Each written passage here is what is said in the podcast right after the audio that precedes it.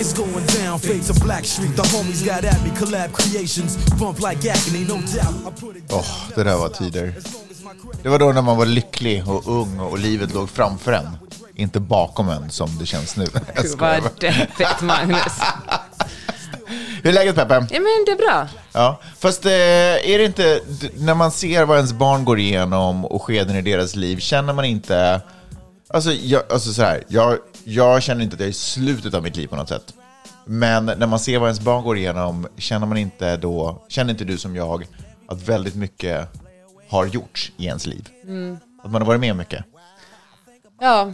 Saker som Ja, inte kommer komma ja. tillbaka och saker som inte kommer ske igen. ja men är inte lite deppigt att tänka så?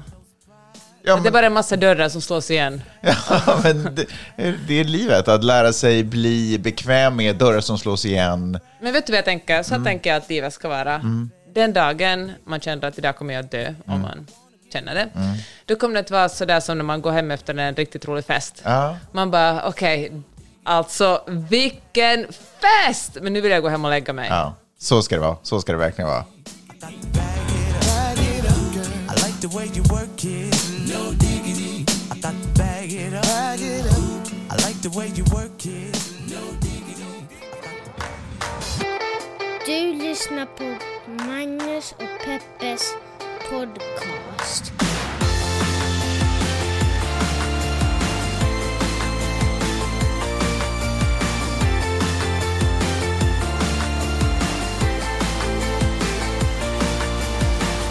What up gangsters, what up wanksters, what up pranksters. Hjärtligt välkomna till podcasten som heter Magnus och Peppes podcast! Woo!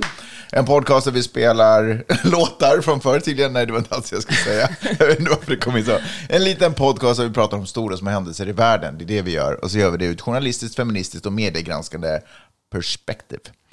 Eh, Peppe, hur har veckan varit? Ja, men det har varit en otrolig vecka. Ja. Jag blir nästan manisk de här dagarna innan vi ska åka till Norden. Så jag Det är först... mycket som ska hinnas med. Och då tänker ni packa, du vet, städa, fixa undan. Nej, nej, nej, nej, vi pratar om något helt annat. Vi pratar om att man ska hinna surfa innan, man ska hinna rida så mycket som möjligt. Och naturligtvis ska ta sig en liten facial. Ja, men jag surfade fem dagar i rad. Kände att idag, nej igår måste jag ta en paus. Ja. För att jag bara, det blev, alltså det är fysiskt tungt att surfa. Ja. Det kanske inte Ja, du det, vet, Du men... behöver inte eh, tala om det för mig, jag vet det fullt. Men, eh, Ut. och istället åkte jag ut till stranden med två hästar och min kompis Tamara. Ja. Och, uh, Och surfade med hästarna. Vet du vad, jag kände nästan att jag borde ha tagit med en surf, surfbräda, för det var jättefina vågor där. Okej. Men istället galopperade vi på stranden och det var verkligen en perfekt, perfekt säsongavslutning. Säsongsavslutning. Det var ungefär det jag sa. Ingen är lyckligare än jag för din skull. Roligt, roligt att du Jag verkar- tycker det verkar lite sur faktiskt. Nej, jag är, inte, jag är bara trött. Därför att medan du gör det där så stirrar jag in i en skärm. Och att stirra in i en skärm, även fast det inte är ett hårt arbete, så blir man bara mosig i huvudet. Mm. Men, eh, men du, det är ju roligt med dig att du verkligen känner att du måste squeeza ut det som om hästar försvinner nu i och med sommaren. För Ja, du men- har ju ändå typ bokat upp att du ska rida i Stockholm. Så Ja, men det är inte samma sak, herregud Nej, Magnus. nej, nej. Herregud. Vad är det för skillnad? Nej men det är helt annorlunda hästar och det är ju inte... Nej men det är, det är bara en annan sak, försök acceptera det. Ja, jag ska försöka, verkligen försöka acceptera det. Hur går det med boken? Det går bra. Jag stiger ju fortfarande upp sex varje morgon och skriver på den. Hur går det då? Ja, men det går helt bra. Och igår fick jag illustrationerna som uh, Louise, hej hej vardag Louise, har gjort för min uh, hästbok. Ah, sista dem. delen av hästboken eller? Jag vet faktiskt inte. Vem Nej. vet, kanske jag får lust att skriva en fyra. Who knows? Man vet aldrig. Mm. Men uh, det kommer ut i augusti och det var jättefina illustrationer. Hon var verkligen... Det var nästan så jag själv blev tårögd. Men vänta, är det alltså- hon som har gjort de andra, för de andra böckerna också? Ja, hon har gjort alla böcker. Gud, jag har av någon underlig anledning inte fattat att det är hon som har gjort dem.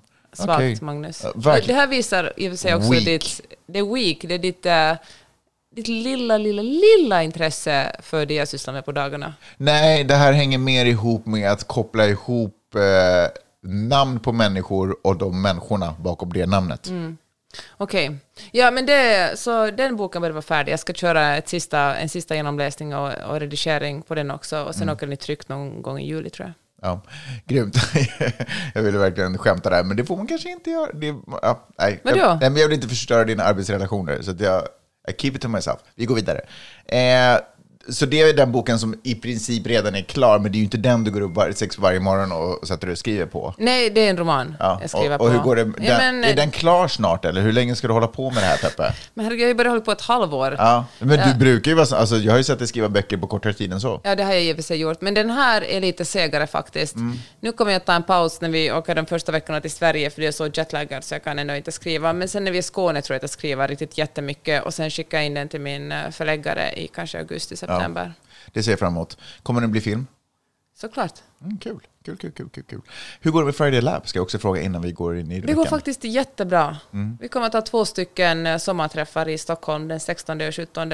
Ja, men superbra. Är du fortfarande peppad? Vi, ja, det är jag faktiskt. Är det ett roligt företag att jobba Det är på? så roligt. Också för det faller precis med mina värderingar. För det är roligt att jobba med min kollega Maja och min andra kollega Ann. Vi är ju fler nu för tiden också. Mm. Ni har Vi- vuxit. Ja. Nej, men det är Ni har faktiskt, vuxit med en tredjedel kan man säga. Ja, det är mycket. Ja. Nej, men det är faktiskt jätteroligt. Jättebra folk där inne. Det var någon som sa någon gång till mig, eh, just det här med, apropå att växa i bolag, eller få att ens bolag växer, att eh, han person, eller den personen upplevde det svårast i början, därför att varenda anställning är ett så stort procentuell, en så stor procentuell tillökning till företaget. Det är på något sätt inom situationstecken lättare om man går från, inte vet jag, 220 till 225 Ja, men såklart. eller 230 eller så, än att gå från en till två, för då har företaget vuxit. Det har, liksom fördu- det har fördubblat i storlek. Ja, Liksom. ja, sant. Nej, men eh, Friday Lab ska vara där en dag också. Mm. Vi är på väg. Var, eh, en dag, har, ni, har väl, ni har väl ett tydligare mål än så hoppas jag? Ja, men om fem år. Okej.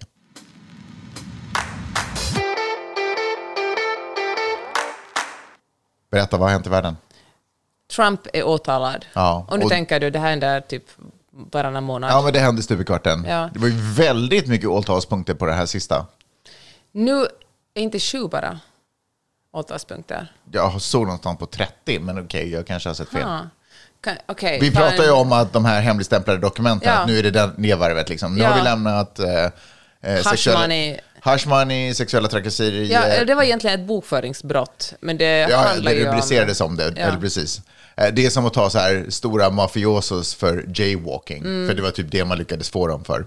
Men, eh, nej, men precis, men nu handlar det ju om de här dok- eh, vet, Ni kommer alla ihåg när man fick se på tv hur Mar-a-Lago invaderas av, eller stormas av liksom FBI-agenter och alltihopa. Och, och då visade det sig att han hade det hemligstämplade dokument eh, hemma hos sig liggandes hipp som happ. Men vet du vad, det kom ut bilder just nu när vi pratade om det här. Vet du vad han hade dem? Ja. I badrummet bland annat. Ja, men, Alltså han hade i badrummet, så är det en kristallkrona i hans badrum och jättemånga lådor med hemligstämplade dokument. sån här toalettlektyr liksom. Ja, men visst är det, ja men Men- vet du vad, det är det säkert varit. Han har säkert suttit där och bajsat och läst. och läs om- superhemliga och saker. bara, fan, borde man ändå invadera Iran? ja. Vilket han verkligen tänkte på. men, ty, ska man typ inte... Alltså, det, det är ju sig inte ju konstigt.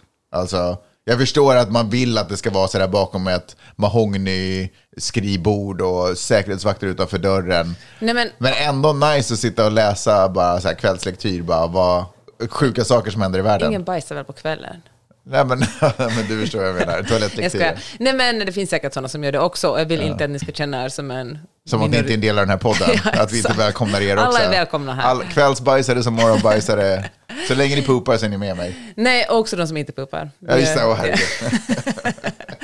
Hur som helst, nej men alltså poängen är väl att de ska finnas bakom lås och bom. Jo, men det förstår jag. För att när han har fester där på Mar-a-Lago så vill man ju inte att någon bara ska Nej. låna hans badrum och sen Ja, ta bara med här. sig en låda. Ja, Eller- Nej, nej, såklart. Nej, men det fattar ju vem som helst. Men jag Så- bara menar, om man ändå har passerat den gränsen Ja. att man har fått hem någon, då kan du lika gärna vara på toaletten tycker jag. Ja, jag vet inte, massa bakterier där tänker jag också. Ja. Hur som helst, så är han i alla fall anklagad för conspiracy och för spioneri. Inte så att han själv är spion, men att han har gjort det möjligt för andra att liksom släppt Mm. Ja, hemliga förstår. dokument. Och det här är... Typ underlätta för spioneri. Liksom Precis. Mm. Och eh, det han blev åtalad för senaste bokföringsbrottet, det var i New York, men nu är det här på en federal nivå, alltså Mm. på hela, på en, alltså alla vet vad en federal nivå betyder, hela USA-nivå. Mm. Och det är ju mycket allvarligare. Sen är det som är, eh, han säger såklart att det som är intressant är att det här har aldrig hänt förut, en före detta president har aldrig åtalats förut på det här sättet, Nej. eller på något sätt tror jag. Men det ska väl tilläggas att han, han är inte den enda presidenten som har tagit hem, hem hemligstämplade dokument. Nej, men skillnaden, nu tänker du säga att, att Biden också gjorde det. Och, Det här är ju vad Ja. vi vet, men Ja. vi vet ju inte, alltså det har ju funnits flera presidenter innan Säkert. där ingen Och, pratar äh, om sånt här. Nej, verkligen. Och jag tänker att Alltså jag tänker att alla säkert gjort det på ett eller annat sätt, mer eller mindre i misstag. Och Mm. Och tyckte att det kändes att läsa det hemma. Mm. Men den stora skillnaden är ju den att när eh, Vita husets... eh, var de sa att hej, vi märker att du har de här, de här dokumenten, kan du returnera dem?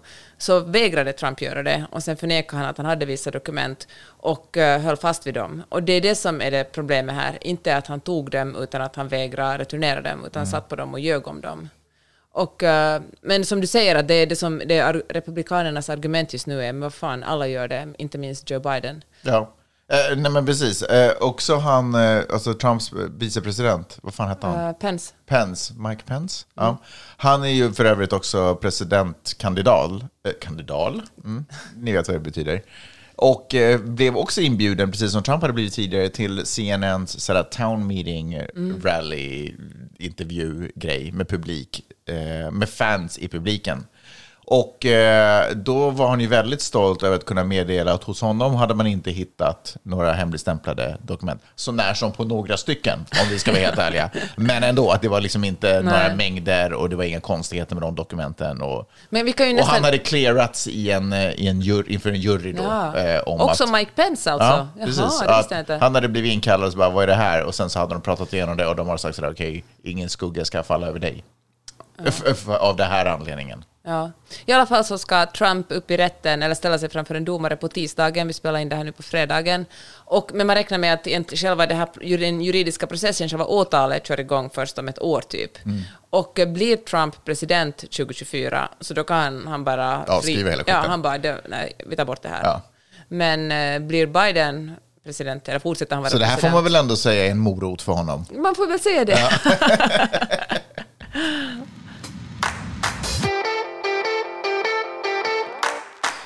Men det är ju en jäkla soppa. Men det är någonting i det här som får mig att känna att det liksom är för mycket. Ja, det är för mycket. Jag hinner inte, alltså jag, jag typ inte bryr mig om den här senaste åtalspunkten. Förstår du vad jag Du menar? är liksom jaded nästan. Nej, men, så han är en ful fisk. Ingen kommer någonsin sätta dit honom. Han kommer inte få några repressalier. Han kommer inte... Han kommer inte... Förstår du vad jag menar? Eller sådär, vet, den som första- Nixon. Det här kommer inte bli en Den Nixon-grej. första impeachmenten, då var man sådär, nu händer det, nu händer Mm. det. Men nu känner man sådär, fool me once. Shame Alltså, on. Ja, men verkligen. Shame on vem det nu än är. Eh, så jag är I'm not impressed. Nej, och det är sant som du säger att hans kärnväljare, han har ju ungefär 25-30 procent av republikanska väljarna som kommer att stå vid hans sida vad han än säger och vad han än gör. Och de kommer aldrig att ändra sig. Nej. Men eh, alltså, det som eventuellt kan påverka är ju de moderata väljarna, de som är republikaner men känner att vad fan, kan du sluta nu? Då får de ju ett, ett argument att inte rösta på honom. Ja, eh, verkligen. Men- Och, och jag, ska också, eh, jag vet inte om det är för att jag har bott i USA så länge. Eh, för jag, jag klipper ju en krimpodd. Mm. Och där eh, hör man ju hur det svenska rättsväsendet fungerar. Och det känns ju otroligt stabilt. Jag pratade lite med de programledarna också. Nyans heter för övrigt den krimpodden. Kan ni lyssna på om ni är intresserade. Eh, eh, av true crime. Och då pratade jag lite, jag bollade lite så här, hur, eh, eller så här, jag frågade dem hur, hur eh, korrupt skulle de bedöma att det svenska rättssystemet är. En av dem är jurist, bland annat. Eh, och då kände de, eller det, hade gjort, det har väl gjorts lite studier på det och det bedöms inte alls som, som så korrupt. Men när jag tittar liksom på det amerikanska rättssystemet så känns det så oerhört korrupt. Inte nödvändigtvis att pengar styr, men det är så många faktorer som gör att rättvisan inte är riktigt alltid i fokus. Ja, ja, alltså det är ju ingen snack om saken om att Trump eh, förtjänar att typ fängslas. Eh, f- inte bara för de brott han har gjort, utan också för eh, nästan för de framtida brott som han uppviglar till med sin persona. Förstår du vad jag menar? Alltså, sådär, om Karma var, dom, eh, var domare så borde han ju liksom typ åka i fängelse. Men eftersom eh, han inte kommer göra det, för att det finns alltid sätt att styra om eh, spela, spela rätten, så, så känns det liksom inte trovärdigt. Och ska jag vara helt ärlig, det känns också som det är väldigt mycket ett hämnd, eller liksom en frustration och en ilska som driver en del av de här rättsprocesserna mot honom.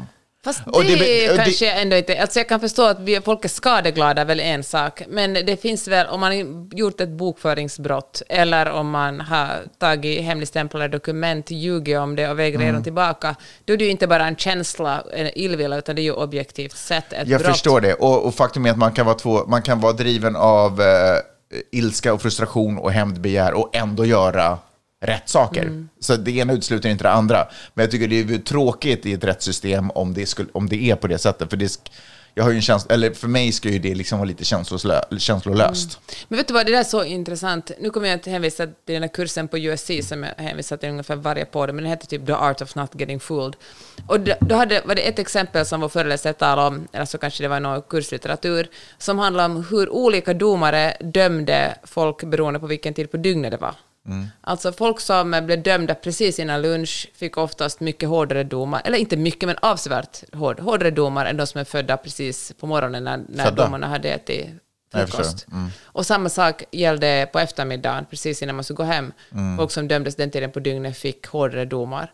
Och eh, så alltså vi är fan, ibland känner jag att vi är bara människor som, eh, alltså vi är bara små människor som leker vuxna. Men det här- Alltså vi människor är inte objektiva. Nej, precis. Men, men det här systemet liksom spelar på... Det känns som att det finns i strukturen att man spelar på den, lite- i det, i människor också. För man skulle kunna göra det på ett annat sätt. Man, s- de, här, alltså rättssystemet, rättsväsendet eller vad det heter, i det här landet, i den här stora nationen, är också oerhört belastat. Och det är också nästan systematiskt belastat känner man. Att det liksom dras in en massa dumma case. Nästan typ för att belasta domare. Så att när de riktiga casen kommer så har de typ inte Nej. kraft för det. Nej, att se det. Och, och sen så blir det liksom, ja men du vet, man bara radar upp en massa svarta för att de har haft Mariana i fickan. Och så är det liksom timme efter timme som de här domarna ska liksom, och efter ett tag är man så här, okej det är fucking same case allihopa, ni får alla samma dom. Typ, så kommer jag bara göra det. Ja men typ, den, Så kommer det, så kommer det en vit snubbe och säljer marijuana, men då råkar det vara lagligt, så då Ja. gör han miljoner, miljarder. exakt. Men, hör du, men vet du vad, det var intressant det du sa om hämnd, för häromdagen när jag körde hem från stallet lyssnade jag på en podcast som handlar om att eh, USA, och, alltså flera delstater, inklusive USA, eh, Kalifornien, har eh, fortfarande dödsstraff. I, Mm. I USA är det jätte 20-25 år sedan. Alltså, fan, nu säger jag USA, jag menar Kalifornien. Det är sällan man säger Helsingfors och menar Finland. Ja. Ja, men eh, i Kalifornien så är det liksom över 20 år sedan man senast verkligen hade ihjäl någon. Mm. Men dödsstraffet finns ändå och det finns folk som sitter på livstid. Och det finns folk som har fått dödsstraff men de bara sitter och väntar på att det ska hända, men det händer aldrig liksom. Mm. Och, eh, och medan i, i Nordeuropa, och speciellt Norden, så där handlar det mer att man ska reha- rehabilitera folk som sitter i fängelse. Det är ett, ett system där man är ganska fri, åtminstone enormt mycket friare än i USA. Men i USA är fängelsesystemet, och kanske också hela rättssystemet, väldigt mycket baserat på hämnd. Du gjort någonting, tand för tand, öga för öga, tand för tand. Och då sitter, kan det sitta människor, de intervjuar liksom fångar som hade suttit i 20 år i en cell på liksom några meter. De fly, och så var det en, en otroligt rörande scen, alltså både på ett bra och dåligt sätt, där de flyttar fångarna från ett fängelse till ett annat. Och en av fångarna sa att han hade inte sett gräs på 20 år. En annan hade liksom inte sett, sett liksom natthimlen på 20 år. Alltså det var, det är ett sånt, eh, alltså jag fattar att människor som har begått fruktansvärda brott måste bestraffas, det måste hända någonting. Men att, eh, jag vet inte liksom att om det här är rätt sätt, att man ska slå tillbaka dubbelt så hårt på dem. Jag vet inte. Jag tänker att det är lätt att dras med i, eh, in, i historier om inhumanitet. Eh, Jag tror det är lätt att dra med i hämnd. jag tror att det är lätt att... och- Men du har ju uppenbarligen blivit berörd av en historia om inhumanitet från hur den här fången har blivit behandlad. Eh, utan att egentligen någonsin har förstått vad det är han har gjort. Alltså, Ja, jag fast vet de inte. intervjuade också människor där poddavsnittet vars barn hade blivit mördade. Och det var, det var liksom en del av dem var så där de tycker verkligen att det ska vara mord, ett mord för ett mord, men den Mm. andra sa att de tycker att eh, alltså det har dött tillräckligt mycket människor. Men alltså poängen med hela podden Jo, var att vet, Gavin men- Newsom, som är, som är guvernör i Kalifornien, han vill förändra det här rättssystemet, alltså fängelsesystemet i det här och ta mycket exempel av till exempel Norge, Mm. där man försöker rehabilitera folk, för det är också ett väldigt dyrt system att tortera människor hela sina liv i fängelse. Jo, men det är därför det också existerar, därför att det är en business. För fängelse här är ju huvudsakligen privata, Mm. så det är därför det också funkar. För övrigt, fun fact, det var inte så jäkla länge sedan man i Sverige tog bort dödsstraff. Det var ju typ i början på 1900-talet. Vad är det sant? Ja, alltså sen vet jag inte när senaste dödsdomen Mm. utfärdades. Det kan ju vara mycket tidigare. Men eh, vi är ju inte så långt efter, även Nej, fast det nu intressant. har gått eh, hundra år. Ja.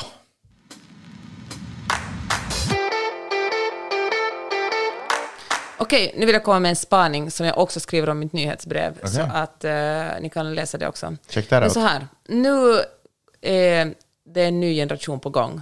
Gen Z, zoomers, Mm. de som, är liksom, som, har, de som finns på TikTok. Är det för att de var mycket på Zoom som de har fått zoomers? Ja.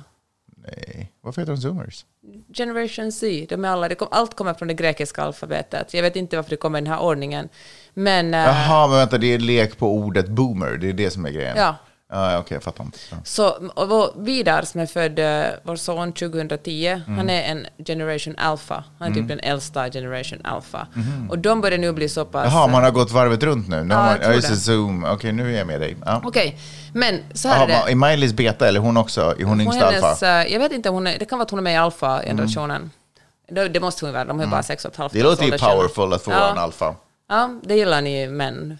Andrew Tate och liksom... Verkligen. I alla fall, I alla fall så här är det. Boomers, Mm. den generationen, de eh, är på Facebook. Ja. Och den generationen är liksom, jag menar vi var alla på Alltså Facebook de är ju på något skede. Facebook och ålderdomshem. Men precis, men vi var alla, alltså Facebook var den, det fanns ju MySpace, Mm. men Facebook var den, den stora sociala medien som på något sätt satte grunden för sociala medier. Mm. Och då handlade det om att eh, hänga med kompisar. Alltså Mm. man eh, kontaktade gamla klasskamrater, kollegor, folk man kände.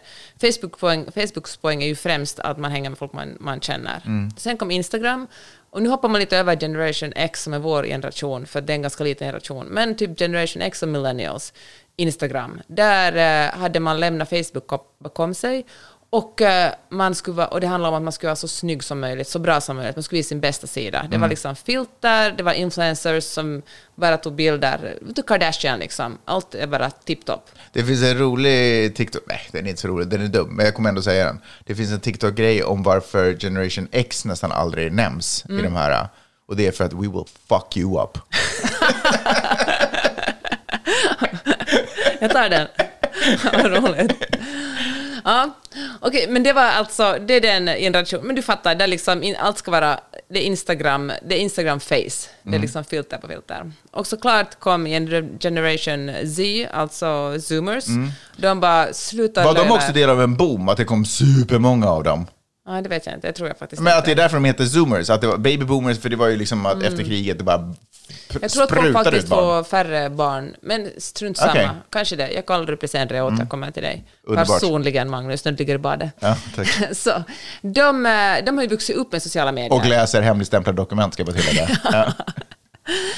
De har vuxit upp med sociala medier, för dem är det inte som för millennials, att man är sådär, okej nu ska jag göra mig Nej. snygg, så ska jag ta en, sny- en kamera och ta en bild av mig ur rätt vinkel. Mm. Och de, de, är, de är som att gå ut, för dem är sociala medier, och då främst TikTok, som att gå ut på gatan och hänga med kompisar, Ja. eller gå in i en affär, eller vad som helst. De pratar helt naturligt in i kameran. Ja. Medan millennials och liksom, vår generation är sådär, vi växte upp med att se TV-hallåor och lyssna på radio, Mm. så därför pratar vi, när vi ska göra någonting på, inför en skärm, så är vi sådär, Ja. det här är jag som pratar nu, på, Ja. jag tar på min radioröst. Hallå, hallå, hallå!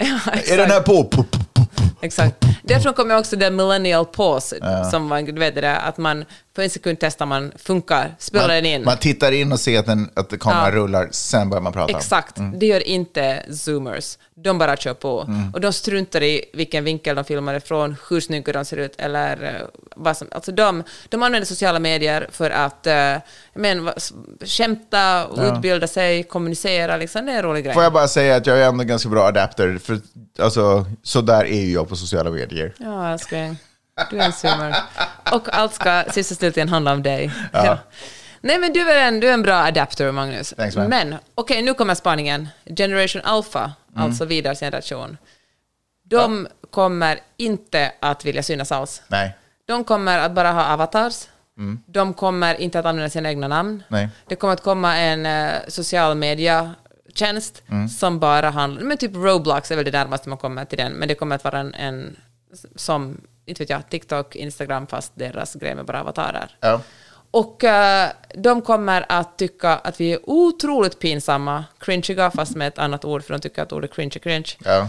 som visar, som har fläckt ut hela våra privatliv och våra bilder och liksom Ja, och bilder på oss och våra namn. privatliv. Och det, men jag menar också, för de är också generationen Ja. vars föräldrar har använt dem på YouTube för att Mm. tjäna jättemycket pengar.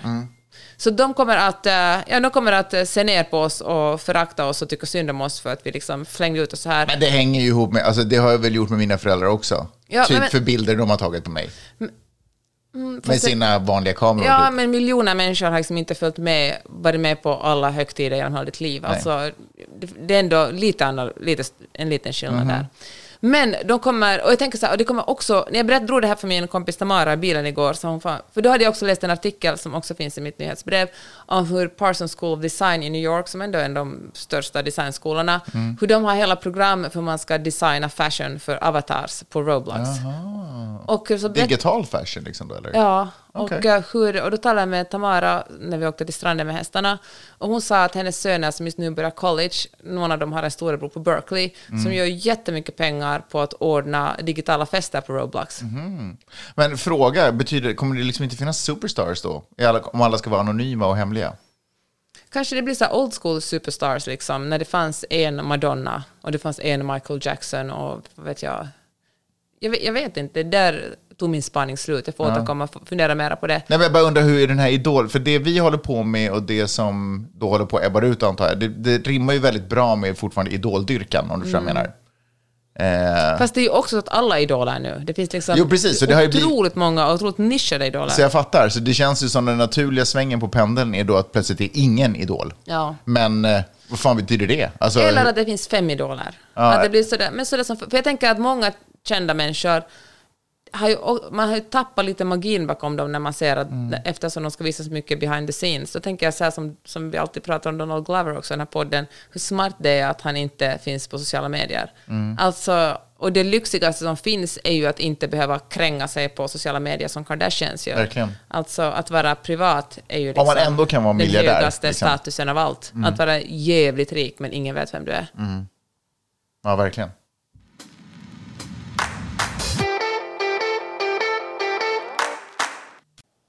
Alltså jag har ju varit eh, otroligt stressad den här veckan. Eller nej, inte stressad, men jag är så här... ehm, eh, jag är orolig och nervös. Vad tror du jag pratar om? Vår resa till Stockholm. Nej, Ekonomin. nej, det ska gå för Simon under sommaren. nej. Om det finns någonting jag bryr mig väldigt lite om så är det hur det kommer gå för Simon under sommaren. Simon är alltså vår katt. Ja, exakt. Vet du vad förresten? Jag- skojade, jag bryr mig jättemycket om hur det går för Simon. Nej, anledningen till att jag har varit stressad, lite nervös och lite orolig är för att Ukraina har inlett sin eh, motoffensiv nu. Vå- Den stora våroffensiven som, eh, som man har funderat på när den ska sätta igång och som kan ske under ett visst... Det finns ett litet fönster då Ukraina typ för evigt om, har möjlighet att pusha ut Ryssland ur, eh, ur sitt land. Misslyckas de, då är det här ett, liksom, ett Vietnam, ett evighetskrig.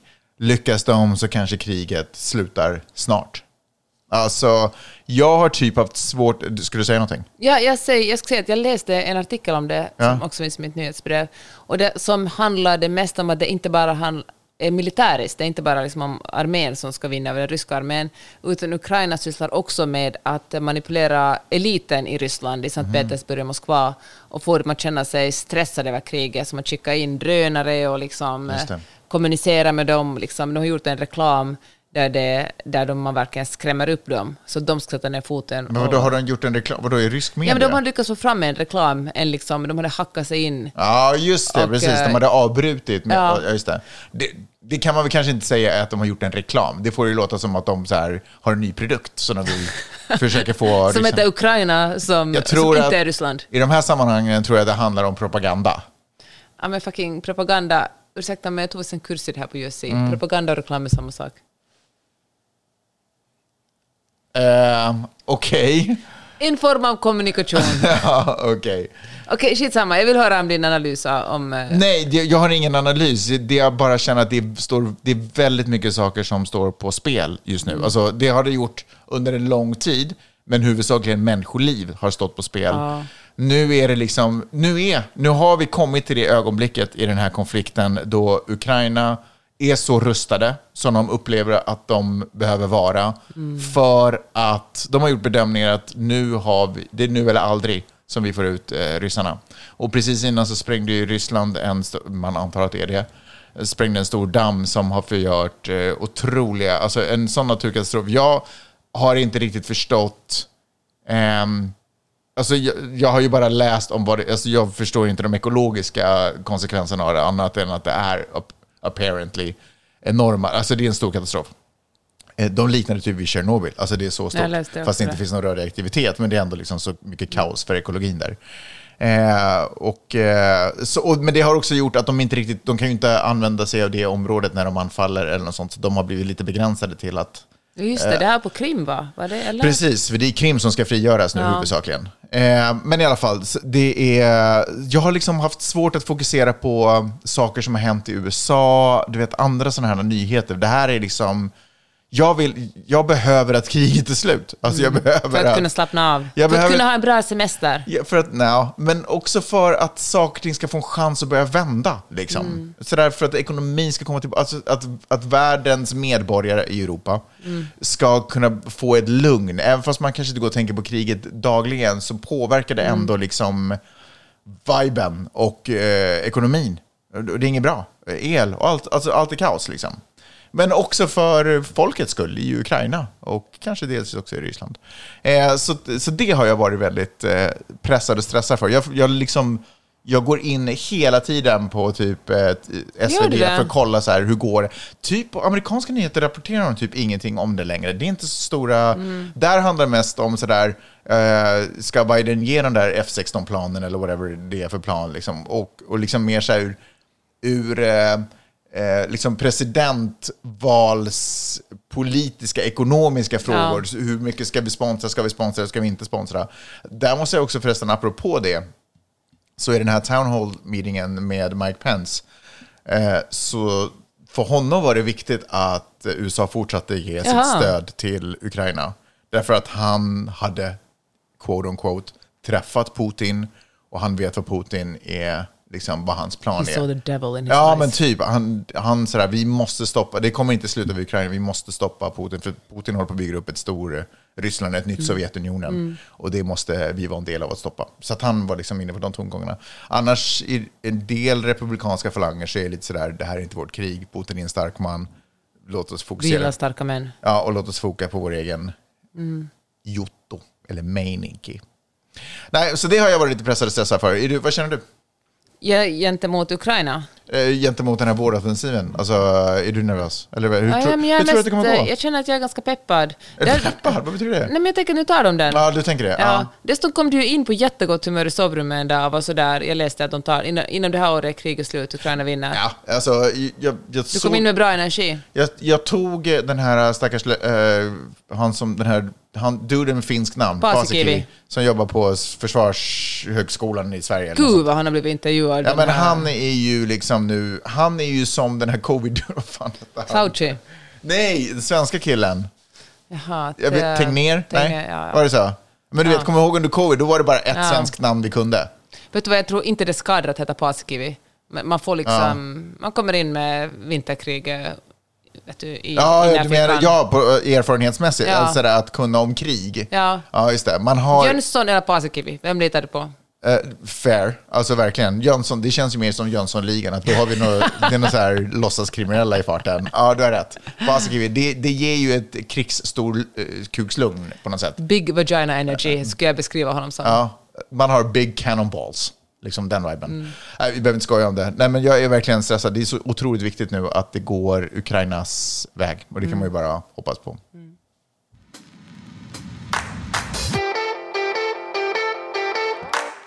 Här är det ju Pride-månad i USA. Är det så man tror i, i Sverige också? Pride-månad, var det inte en vecka förr i tiden? Har det blivit en månad nu nu? är det en månad. Det är som din födelsedag, den bara växer och växer. Vet du vad, det där är ett elakartat skämt. Jaha. För så är det verkligen inte. Jag verkar inte en sån person som måste ha en, en födelsedagsvecka eller Nej, födelsedagsmånad. nej, men vi ska prata... Nej, nej men det, är- det är sant. Men man, det ska rubriceras som en födelsedagsmånad.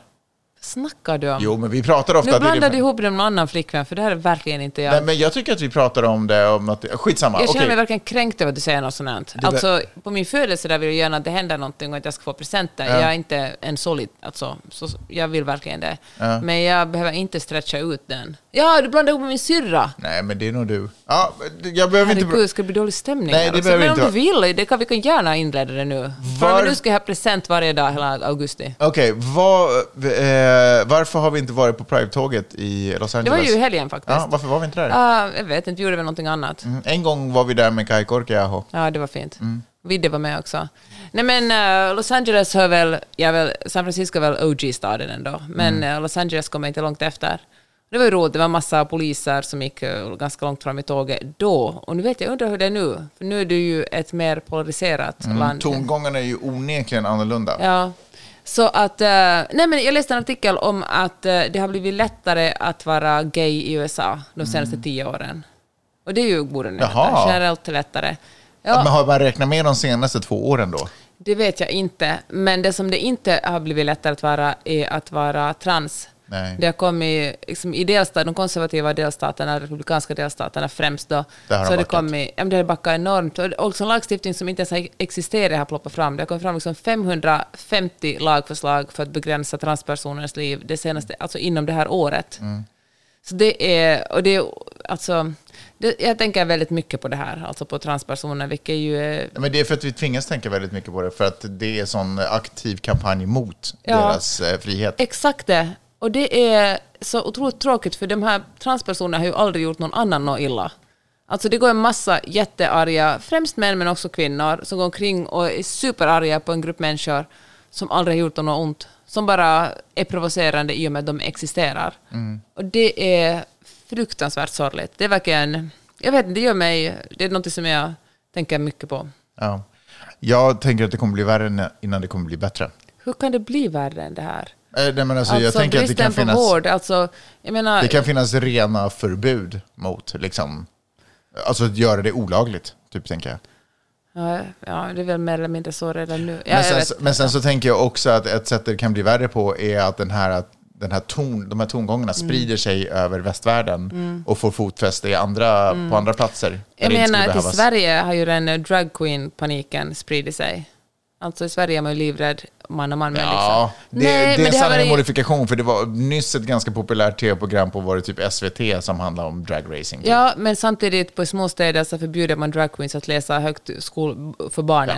Ja. Jo, Ja, men jag hör dig, Jag men- tänker inte att det är lagförbud, men jag förstår Nej, vad du menar. Men, men- små platser har ju alltid, alltså små platser är små platser, Ja. jag förstår. Det är kanske inte små platser som går i bräschen för Nej, sant, men man ska ändå inte förminska sånt. Alltså, Nej, jag menar mest som ett inte. exempel hur resten av Europa tar efter USA. Mm.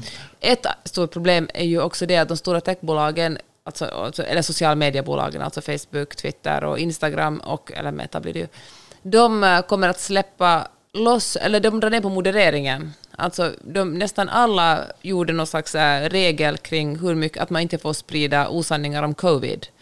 Men eh, det försvinner i år tror jag. Så nästa år, som det händelsevis också, händelsevis också råkar vara valår i USA, då är det fritt fram igen att säga vad som helst. Och jag tänker att det kommer heller inte att, att eh, hjälpa transpersoner på något sätt. Nej.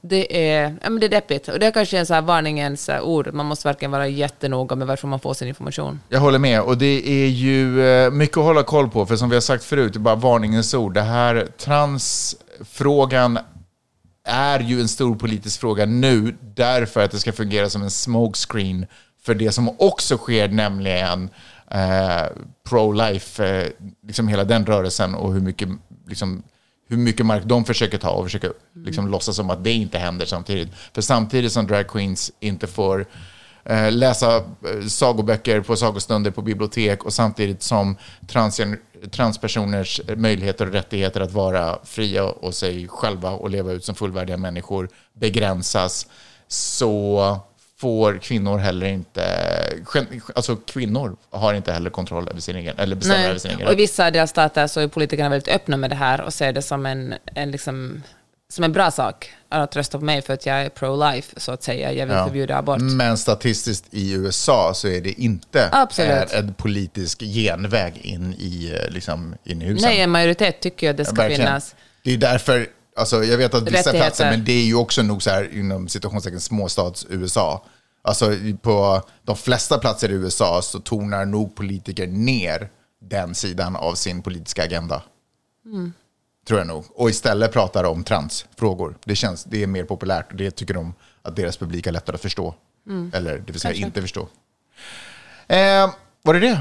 Jag tror faktiskt, jag tänker vi måste väl säga något roligt. Vi kommer att åka till, eh, vi lämnar USA på måndag. Mm, det är rätt roligt. För dig kanske. Ja, så det var inte roligt. eh, men jag ser fram emot Sverige faktiskt. Och Finland för den delen också. Det Vet du vad, jag ska fira med en glassbåt det första jag gör. Underbart. Jag ska fira med glassbåtar hela sommaren.